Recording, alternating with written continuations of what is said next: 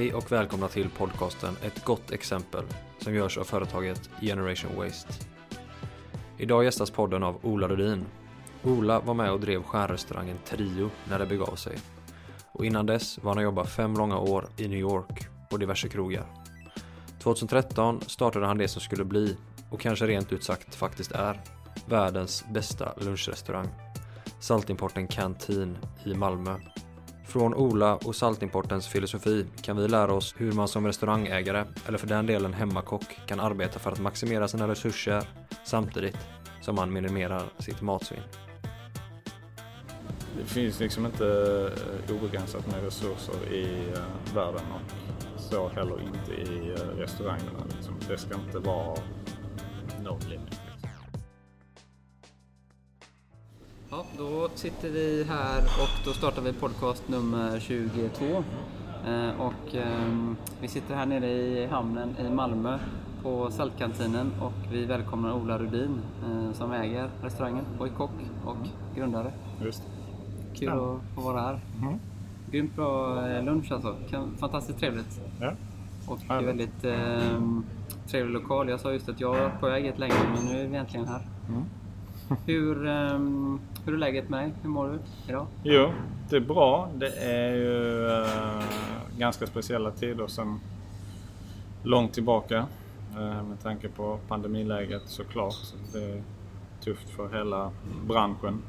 Och, uh, men ja, vi får göra det bästa av det liksom. Och vi har väl varit hyfsat förskonade i och med att vi har lunchservering.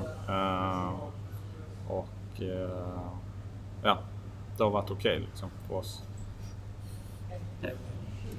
Eh, men hur, eh, jag tänker vi sitter här ganska stor ut nu och kunnat ändå ha lite öppet på utesidan och har ni fått gå över till mycket take away och så också? Och har ni fått ställa om eran... Mm, I våras eh, när det slog till där i mars så eh, då, hade vi, då körde vi hemleveranser som vi körde runt om i ja, hela stan och även utanför stan. Liksom. Levererade bara de luncherna som jag hade för dagen. Mm. När det liksom dog här helt och hållet liksom på plats. Uh, så det räddade oss då och då körde vi ja, fram till midsommar. Packade och körde ut liksom luncher. Uh, ja, det var ju ja, väldigt tufft och väldigt liksom, slitsamt. Men det var liksom, mer eller mindre nödvändigt för att liksom, hålla oss flytande då. Mm.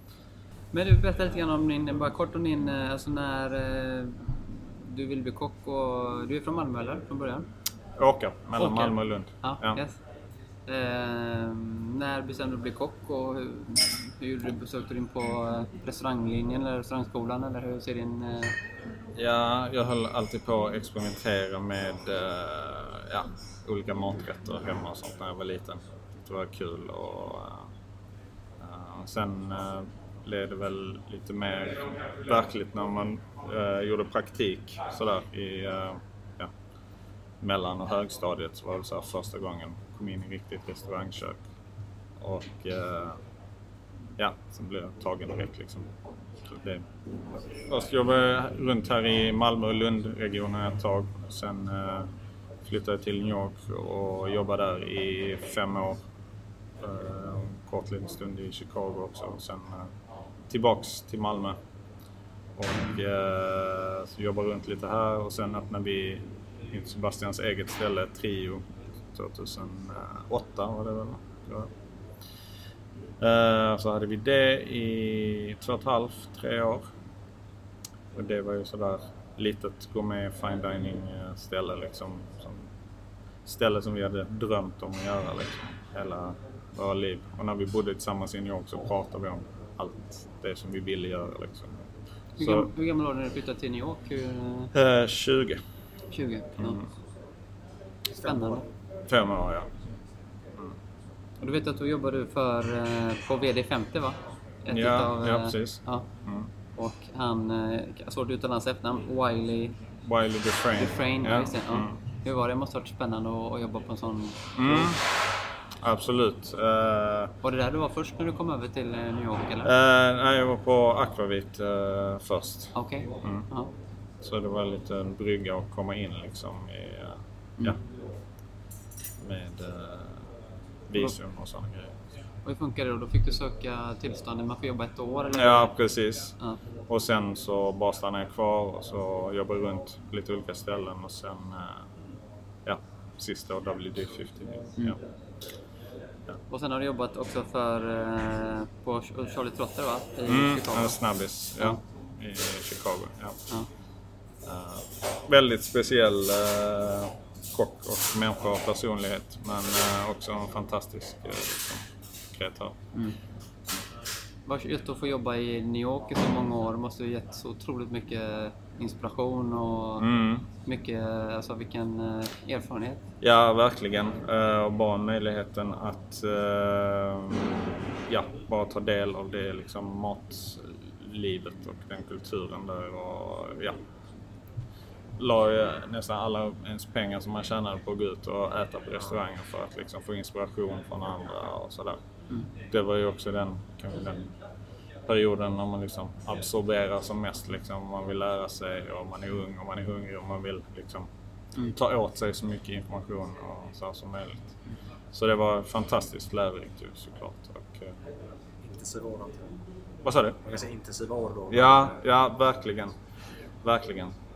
Ehm, men sen när jag kom hem så kände jag väl att jag ville ja, göra någonting annorlunda och det var väl då den här liksom gått från att jobba med liksom väldigt, eh, vad ska man säga, experimentell matlagning där på den sista biten liksom med eh, ja, olika tekniker liksom och sådär.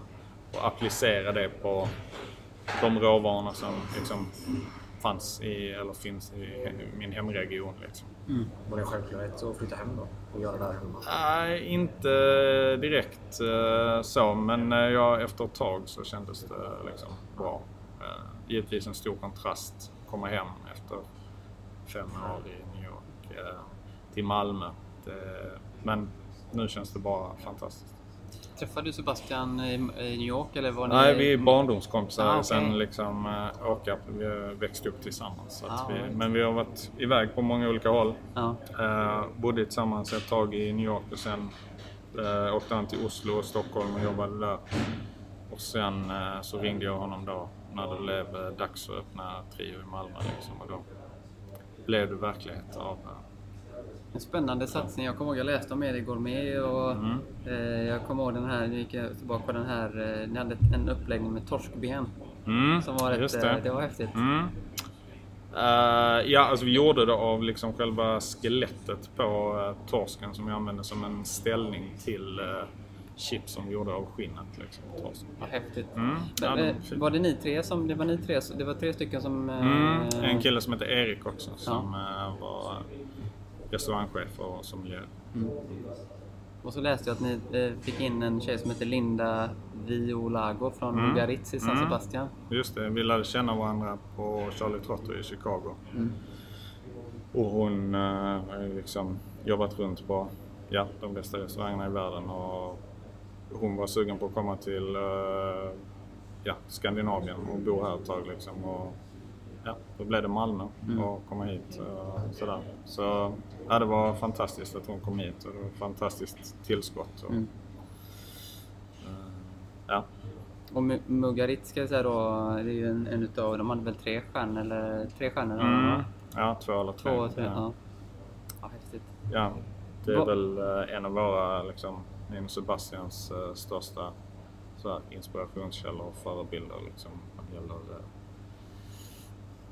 naturlig liksom, matfilosofi med eh, ja, intressanta tankar kring liksom, texturer, smaker, färger, olika teman och sådär. Och, och hur länge eh, drev ni restaurang Trio? Hur många? Eh, tre år, två och ett halvt, tre. Ja. Ja.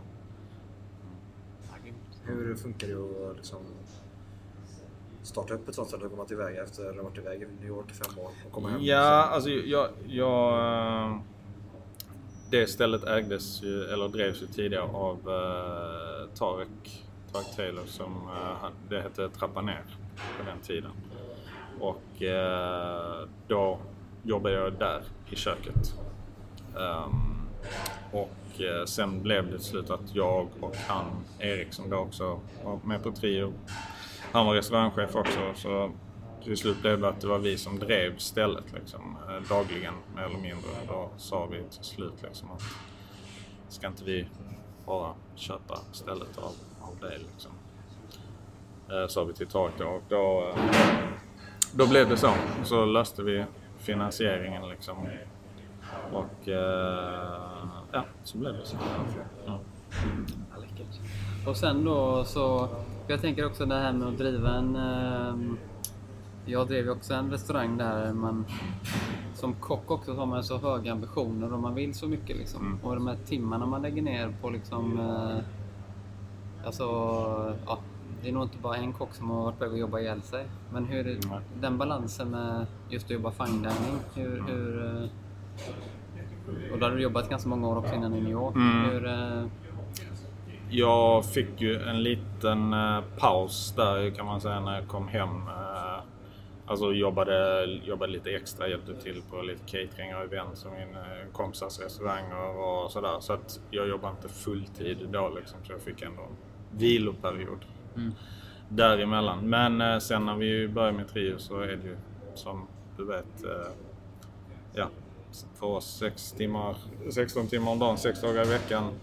Eh, liksom, ja, det är bara kriga på liksom. Och, eh, ja, men man eh, har ju mer eller mindre hur mycket ork och energi som helst när man har liksom, passion och driv om man verkligen vill någonting. Så då, ja, det var ingenting jag tänkte på i det läget. Så, liksom. Det känns som det lite också ändrat sig nu genom åren. Nu börjar man... Jag vet som... Eh, jag tror det var Alex som hade berättat att han stängde lördagar. Och Mm. vissa så här, man börjar inse att Just det. Försöka hitta ett... Eh, vi vill jobba på en hög nivå men ändå kunna Precis. vara drägliga liksom. Precis. Det tycker jag är rätt spännande och... Det beror väl också lite grann på så var man är i livet någonstans. Liksom. Det var innan så här, jag hade barn och familj och sådär. Liksom. Och då, ja, då är det ingenting som du måste hem till liksom, eller sådär. Utan du kan jobba mer eller mindre obehindrat. Eh, och i en inledningsfas så är det kanske nästan det som krävs. Eller åtminstone man kan, jobba väldigt mycket. Liksom. Men ehm, men eh, jag tycker det är jättebra som Alex till exempel som kör eh, lediga helger. Det är ju det är toppen. Det är super att eh, ja, någon som visar vägen att det går hur bra som helst att göra så också. Jag hörde en intervju med Mattias Dahlgren. Han sa att han hade jobbat så många långpannor så han skulle typ kunna gå i pension nu om man ser hur många timmar. Alltså, Ja, ja nej, men så man är jobbar Det är ju galet. eh, Alltså det är ju verkligen galet. Alltså man har jobbat i princip eh, dubbeltid liksom. Eh, ja, i det är som- 20 år. Liksom. Det är, Men också med, man driver, det är ju så här, det är också så jävla roligt liksom. Man, man drivs ju av passionen och, Mm. och att bli bäst liksom. Mm. Och, och, ja, det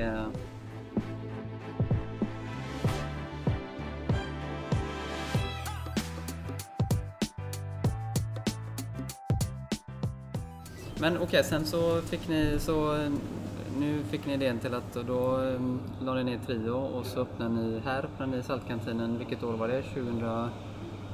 Eh, 2013 öppnade vi på riktigt här i, i denna lokalen. Men innan dess så, så uh, hyrde vi in oss i, uh, i lite tomma lokaler. Det här är en gammal industribyggnad eh, som har renoverats ja, bit för bit. Ehm, och eh, allra första vi, gången vi kom hit här var, vi gjorde ett matevent för, eh, det skulle vara lite sådär matjournalister som reste genom Sverige och skulle runt och, eh, och de skulle bland annat söka, besöka Trio och eh, Daniel Berlin och de skulle till Färviken och sådär liksom.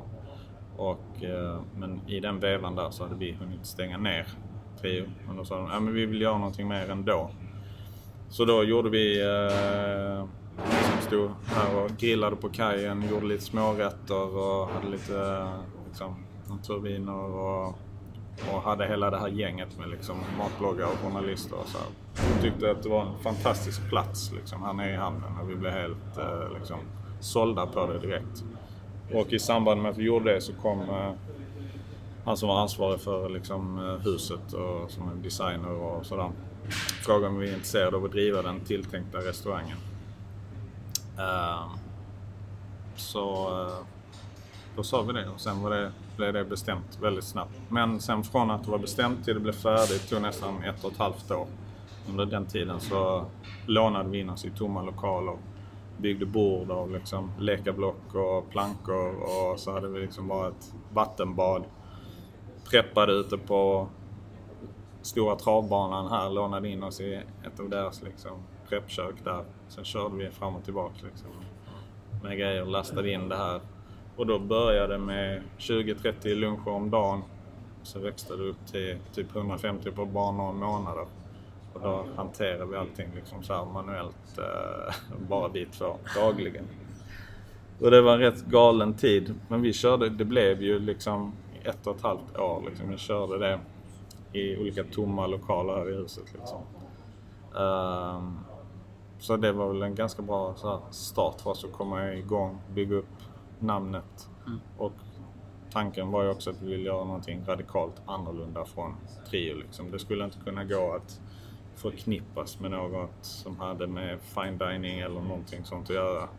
Och det var det ju inte. Det var liksom raka motsatsen. Det var bara byggblock och plankor och ett vattenbad liksom.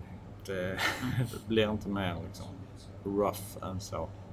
Så att, eh, så där kom den ifrån. Men sen var tanken med eh, saltimporten då att vi skulle ha events, matlagningskurser och fester och sådana grejer från början. Eh, och inte ha lunch alls. Men medan vi väntade på att lokalen skulle bli färdig så upptäckte vi att det fanns ju liksom ett underlag för lunchen. Eh, och det som började med 20-30 gick till 150 och nu på 300 per dag. Det, ja, det finns ju ett underlag för att uh, jobba med det. Grymt häftig lokal. eh, Vi får ta lite... eh, Ja, det är så jäkla nice. Många kockar går ju från det här att man jobbar kvällskrog, lite, Mm. alltså både fine dining och bistro och sen gå till att jobba lunch. Ja, Och ni valde ändå så här, den här lunchrestaurangen får, ju betyg som Malmös och Sveriges bästa. Att Mm. ändå ha så, alltså, ambitionen att fortsätta fast man jobbar med lunch om man Mm. säger så. alltså vi, vi har ju, vad ska man vi applicerar ju all den kunskap som vi har uh, samlat på oss genom åren på lunchmatlagningen.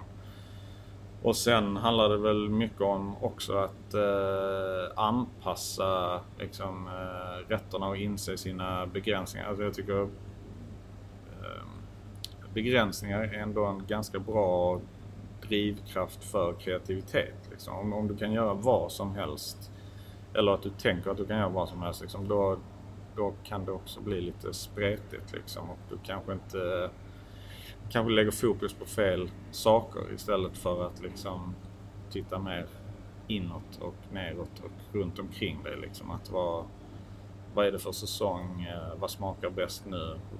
Vad, vad kan man göra med en lök istället för att man ska tänka att man ska Ja. ha alla tänkbara ingredienser från runt om i hela världen. Liksom, och sådär. Så jobbar ni lite här eh, just med begränsningar. Ja, men alltså eh, ja, sådär säsongs... eh, Det, det är begränsningen så liksom. Men även med tillagningen och eh, ja, det som vi började prata om här innan med, eh, med eh, matsvinn och, och sådana grejer. Att man tänker liksom på det redan när man börjar eh, processen. Liksom, att vad ska vi servera? Hur ska vi servera det? Eh, vad fungerar i vårt kök? Liksom? Vad är det för säsong? Behöver det vara varm mat? Kan vi göra en kall eller rumstempererad rätt? Liksom? Ja. För när vi, era meny är ju ganska speciell. Det är ju bara... Det står ju bara fyra stycken Mm. eh, liksom, råvaror typ. Mm. Eh, och så står det inte vad det är för Nej. liksom, mat. Det är Nej. rätt spännande. Ja. Nej, men det, det lämnar ju också lite utrymme för oss ju att Ja. vara liksom... eh, det, vi, vi, har väl en, vi bygger upp en grundtanke liksom veckan innan på vad vi ska, vad vi ska göra nästa kommande vecka. Liksom. Eh, uh, pratar med leverantörerna, vad är det som är bäst liksom, just nu. Och uh, så vet vi då vad vi kan få för någonting och sen skriver vi menyn liksom, när vi vet vad, vi, vad som finns att tillgå. Liksom. Men sen, och sen finns det liksom så här lite grundsmaker och tankar sådär på vad vi vill göra. Och sen kan man bygga på det då, precis som du säger, att det står bara fyra år liksom. Så kan man fnula lite grann på det under veckan, eh, liksom, eller på väg in i veckan och bygga på med det där sista liksom. Det hade varit bra med det och liksom man, ja. Givetvis finns det en relativt färdig grundtanke men att man kan justera det då i och med att man liksom inte har spikat eh, helt och hållet liksom med beskrivning på exakt vad det ska vara. Liksom. Jag tycker, det, jag tycker det är spännande. Alltså just att, jag tycker för mig som, som är här och här, tycker jag det är spännande. Och så länge man vet att det är bra mat och det är bra mat Mm. så är det ju Mm. det är bara kul. Mm. Ja, ja, nej men det är ju så. Vet man ingenting om det eh, stället om man aldrig varit här så kanske det kan vara lite så. Då får man ju vara, ha en öppen inställning liksom sådär. Och att eh, ska jag gå någonstans där jag inte vet vad, vad det är och så. Men eh, ja, där liksom folk läser väl liksom vad andra skriver på Instagram och så vidare och sådär. En sak som slog mig när vi åt lunch här, har det varit så här, normalt tar man lunch och så har du någon salladsbuffé, Mm. någon salladskopp eller någonting så, här, så här. Men här Mm. var så här, salladen var ju på rätten. Mm, Det var ju liksom eh, tomat och det var kål och mm. alltså... eh, Ja, det, det var schysst alltså. Mm. Men har ni alltid kört det, den typen av... eh, Alltså vi gör ju väldigt gör ni- olika typer av rätter. Idag så var det ju alltså, som sagt som en gryträtt. Eh, I övermorgon så kommer vi ha uh, oxtartar som vi nästan har nästan varje dag, eller varje vecka. Varje vecka. Och eh, det är ju en sån rätt som har blivit så här, vi var väldigt så här, liksom försiktiga i början och tänkte att hur ska det här gå liksom. Men det var succé från dag ett och sen har vi haft det liksom nästan en gång i veckan eh, sen dess. Och det är ju rätt fantastiskt att eh, man kan få så här folk att äta oxtartar liksom till 300 pers på lunchen i hamnen i Malmö liksom. Det, det trodde vi inte var möjligt liksom från början. Men eh, ja, det...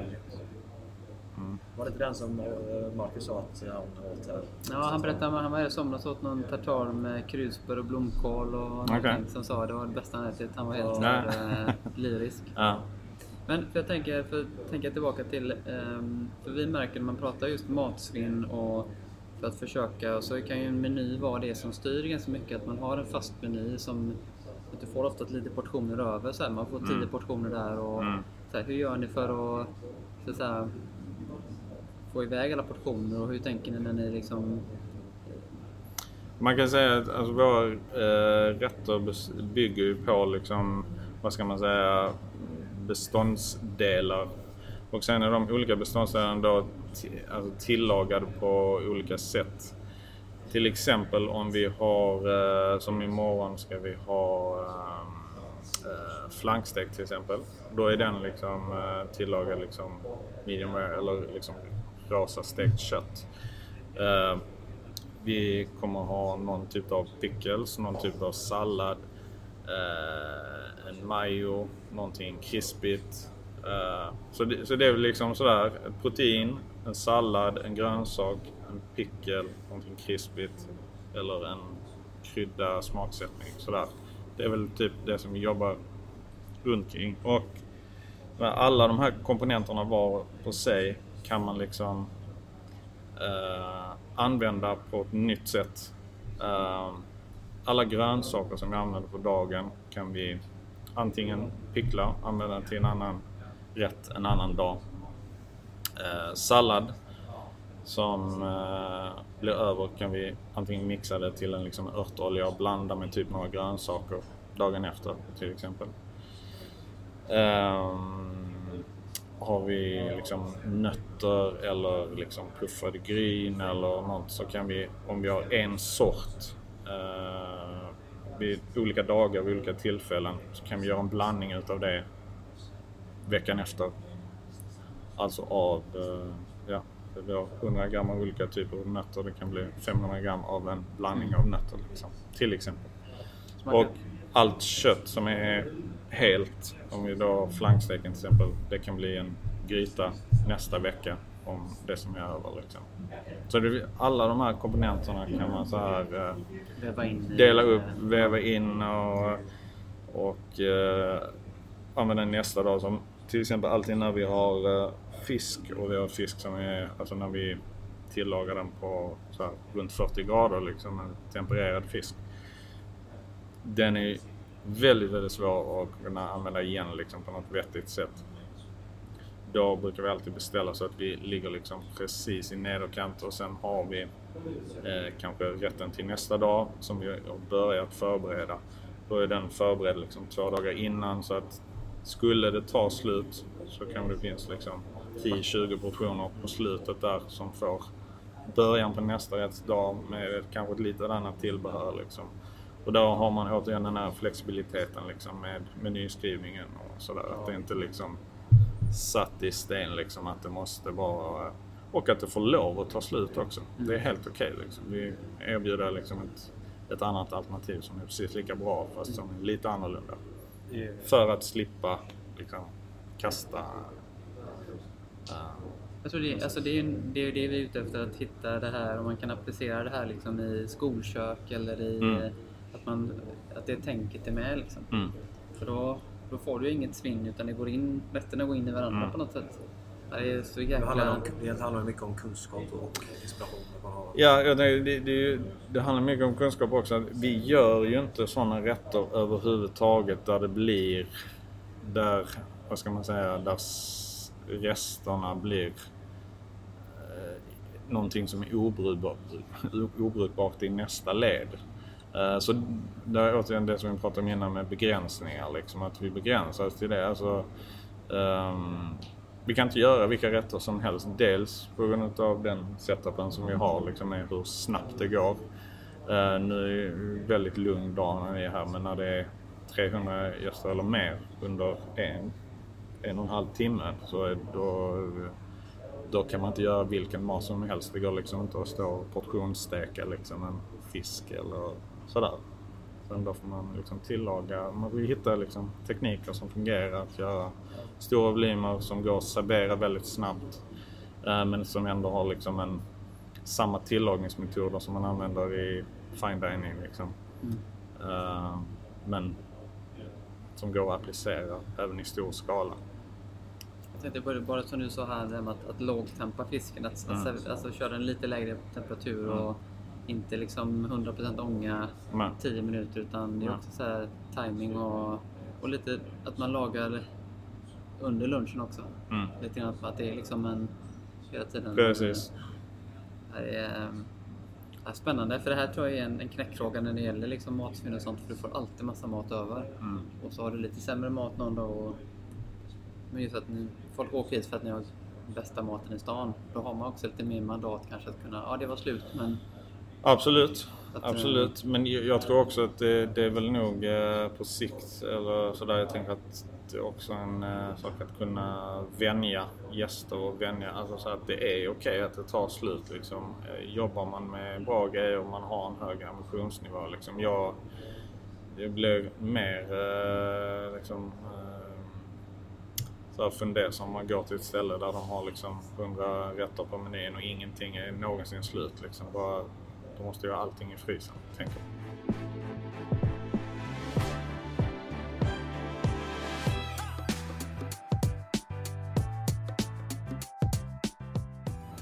Vad tror du, vad ser du för liksom nu, det känns lite som att det är den värsta krisen som jag har varit med om i restaurangbranschen. Mm. Eh, och det har varit extremt tuffa tider. Eh, men jag upplever det som att det är nu kommer någonting, nu, nu får vi ställa om, men alla ställer om. Mm. Men hur ser du för framtiden? Vad, med, eh, vad, vad tror du om framtiden?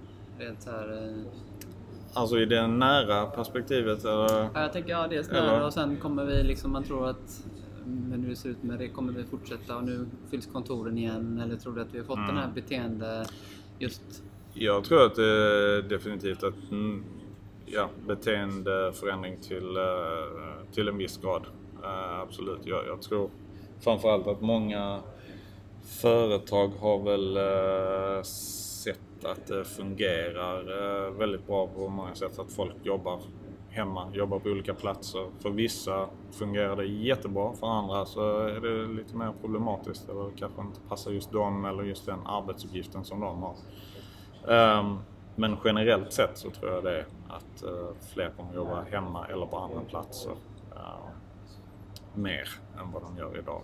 Och då, det kommer ju då innebära för oss till exempel att uh, kanske är mindre folk som jobbar just här. Um, och kanske nå ut till det på andra sätt då till precis. mera mat och hur ja. det kan komma ut på andra, ja, andra precis. sätt. Att man får liksom börja tänka så långsiktigt att uh, då ska vi lägga om det här så att det fungerar för, mm. alltså på sikt. Um, som, som jag sa innan så i våras så bara körde vi runt som galningar liksom och levererade så mycket bara han orkade liksom. Men eh, nu när det har kommit en andra våg eh, så, så, känner vi liksom att vi, vi behöver hitta något som liksom fungerar. Eh, ska det här fortsätta ett tag? Då tänkte man att ah, det håller bara på några veckor kanske. Eller, och sen bara fortsätter det, fortsätter och fortsätter. Men eh, så, så nu så behöver man liksom en hållbar variant framåt. Mm. Både på kort och lång sikt som, eh, ja, som fungerar helt enkelt. Hur tror du att, att här, många jobbar ju det här, eh, tänker jag med importerad mat och hur man kommer liksom och det känns som att man pratar mycket närproducerat, att vi jobbar mer lokalt. Jag tror att, att det kommer bli, kommer vi gå tillbaka till massa, ja men nu kör vi billigt kött från eh, Brasilien igen eller kommer vi förstå att vänta nu, vi måste kanske ställa om för vår egen eh, och hur självförsörjande vi är med råvaror mm. tänker jag. Absolut, förhoppningen är ju att det ska gå på det hållet. Eh, jag tänker att eh, en sån här situation och pandemi liksom kan vara en bidragande faktor till eh, folks förståelse. Att vad vi, vilket håll vi behöver gå på. Och det handlar ju inte bara om maten utan miljö generellt och eh, ja, hur vi rör oss, hur vi beter oss, hur vi semestrar, eh, var vi reser, allt sånt. Och även maten reser ju i stor utsträckning.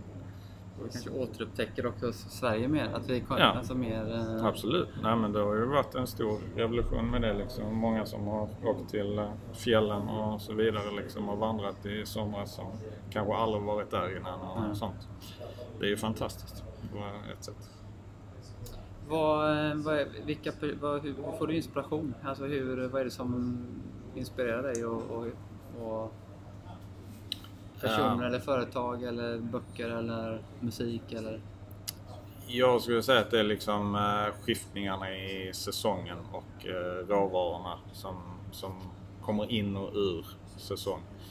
Det, jag tycker det kommer nästan på automatik liksom när det kommer eh, när nya råvaror kommer in i säsong så, så blir man liksom taggad igen. Liksom. Det blir ja, framförallt på våren är det väl som allra tydligast och sommarhalvåret så såklart när det fyller på med mer och mer råvaror liksom under hela försäsongen där. Men, ehm, men sen jobbar vi också nära många lokala odlare eh, så vi kan åka ut och besöka dem och titta i fältet liksom. Eh, ja, bara se var det växer, hur det växer och i vilket stadium de olika eh, grönsakerna och, sådär är, är, Det är fantastiskt att kunna lukta, känna och se på dem liksom och ja, sen börja skapa sig en tanke om vad man skulle kunna göra med dem i köket.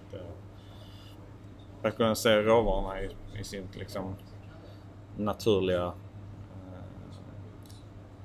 ja, plats. Det, det, är en väldigt stor inspirationskälla skulle jag säga.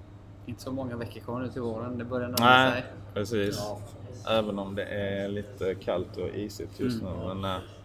jag, jag, läste om att ni hade någonting som, något som, jag också, eh, som vi också jobbar med i Generation Waste. Vi vill liksom sammanföra folk som har bra idéer så man kan få ännu bättre idéer. Mm. Jag vet att ni hade något som heter What's Cooking här. Att ni liksom bjuder in lite olika kockar och alltså producenter och, och mm. jobbar ni mycket sånt att ni försöker hitta, få till sådana träffar? Och... Uh, jag ska säga ärlighetens namn så är vi inte... Nej, ja, nej precis. Nej, men det är inte, eh, huvudsakligen så är det faktiskt inte vi själva som var drivande i just de Men det är väl eh, olika så här, organisatörer av sådana här event som vi har lärt känna genom åren. Kanske vissa av dem och sådär som, ja, som vi haft en bra koppling till och som känt att vi vill samma sak och sådär. Så vid vissa tillfällen så har vi liksom sammanstrålat i, i det. Jag tänker din kunskap, eller eran kunskap är ju så fantastisk. Att du jobbar ni mycket med utbildningar och för, alltså att du är ute och typ matlagningskurser eller Mm, vi, vi har faktiskt rätt mycket företag här, inte just nu såklart, men, eh, men eh, företagsevent med eh, matlagning och så. Mycket gäster som, ja primärt lunchgäster men även folk som varit hemma hos på liksom catering och, och sådär. Och, och sen ska de ha någon grej med företaget liksom. Bara, vi älskar mat vi, och vi är väldigt intresserade av hur gör ni de här olika grejerna liksom. Och så, så kommer de hit, vi är ett- liksom ett gäng. En- Liksom en klassisk eh, matlagningskurs kan man säga. Fast kanske inte sådär mycket recept och papper och sådana grejer utan mer liksom att få en känsla, tanke och idé. Liksom se och röra och känna och se hur vissa processer kommer till liksom och hur slut slutresultatet blir och de får själva liksom lägga upp de rätterna som de kanske skulle suttit här och ätit på lunchen och sådär. Det är väldigt kul. Um, mm. de som är intresserade och gillar det. Grymt. Mm. Jag tänker så, vi har två frågor kvar egentligen. Bara först då, um, vad är ditt bästa hållbarhetstips? Om du bara får säga så här, något som är bra för att, som är cirkulärt och Mm, ja, men jag, jag skulle säga... fråga, men- Ja, nej, men jag tänker liksom lite det som vi pratade om innan. Att, eh, att man tänker efter före. Liksom. In, att eh, hela processen finns med i eh, hur ska vi tillaga det här? På vilket sätt kan vi lägga upp det? Så att saker och ting går att ta tillvara på om inte allting går åt. Ja, och vilken temperatur och hur ska det tillagas så att det kan vara en rimlig chans att använda det på ett annat sätt. Liksom. Eh, ja, i nästa led. Eh, så att man, man tänker efter före. Eh, och också att saker och ting absolut kan få lov att ta slut. Liksom. Det, är, det är helt okej. Det, det tror jag också är en del av vår, en sån där insikt som vi måste komma till att det finns liksom inte eh, obegränsat med resurser i eh, världen och så heller inte i eh, restaurangerna. Liksom. Det ska inte vara no limit liksom, på allting. Utan, mm. ja, faktiskt. Det är som att gå i en ICA, ja, en butik överlag. Är ju, ja. eh, vi som sagt var, vi är ju mm, från Göteborg då. Vi Mm. vill gärna få nätverka med mer folk här i Malmö. Och, har du något bra tips på någon mer vi kan intervjua här nere som du tycker är en, en inspirerande person? Det behöver inte vara någon i Malmö, men någon i Skåne eller någon som, är, som du är lite nyfiken på. Uh, jag tycker uh, Jörgen Lloyd på Lyran här i Malmö gör fantastisk uh, mat. Han jobbar mycket med lokala råvaror i säsong och ja, skapar fantastiskt enkel, kreativ, härlig mat. Sin lilla krog. Grymt. Tycker jag. Absolut. Super. Du, stort tack eh, för att vi fick Ja. komma hit och äta god lunch och träffa dig Ola. Det var kanon, toppen. Tack så mycket. Tack själv. Tack. Stort tack för att ni har lyssnat på dagens avsnitt. In och följ oss på sociala medier där vi heter ett gott exempel och tryck på prenumerera-knappen i appen du lyssnar i. Vi ses nästa vecka. Ha det gött!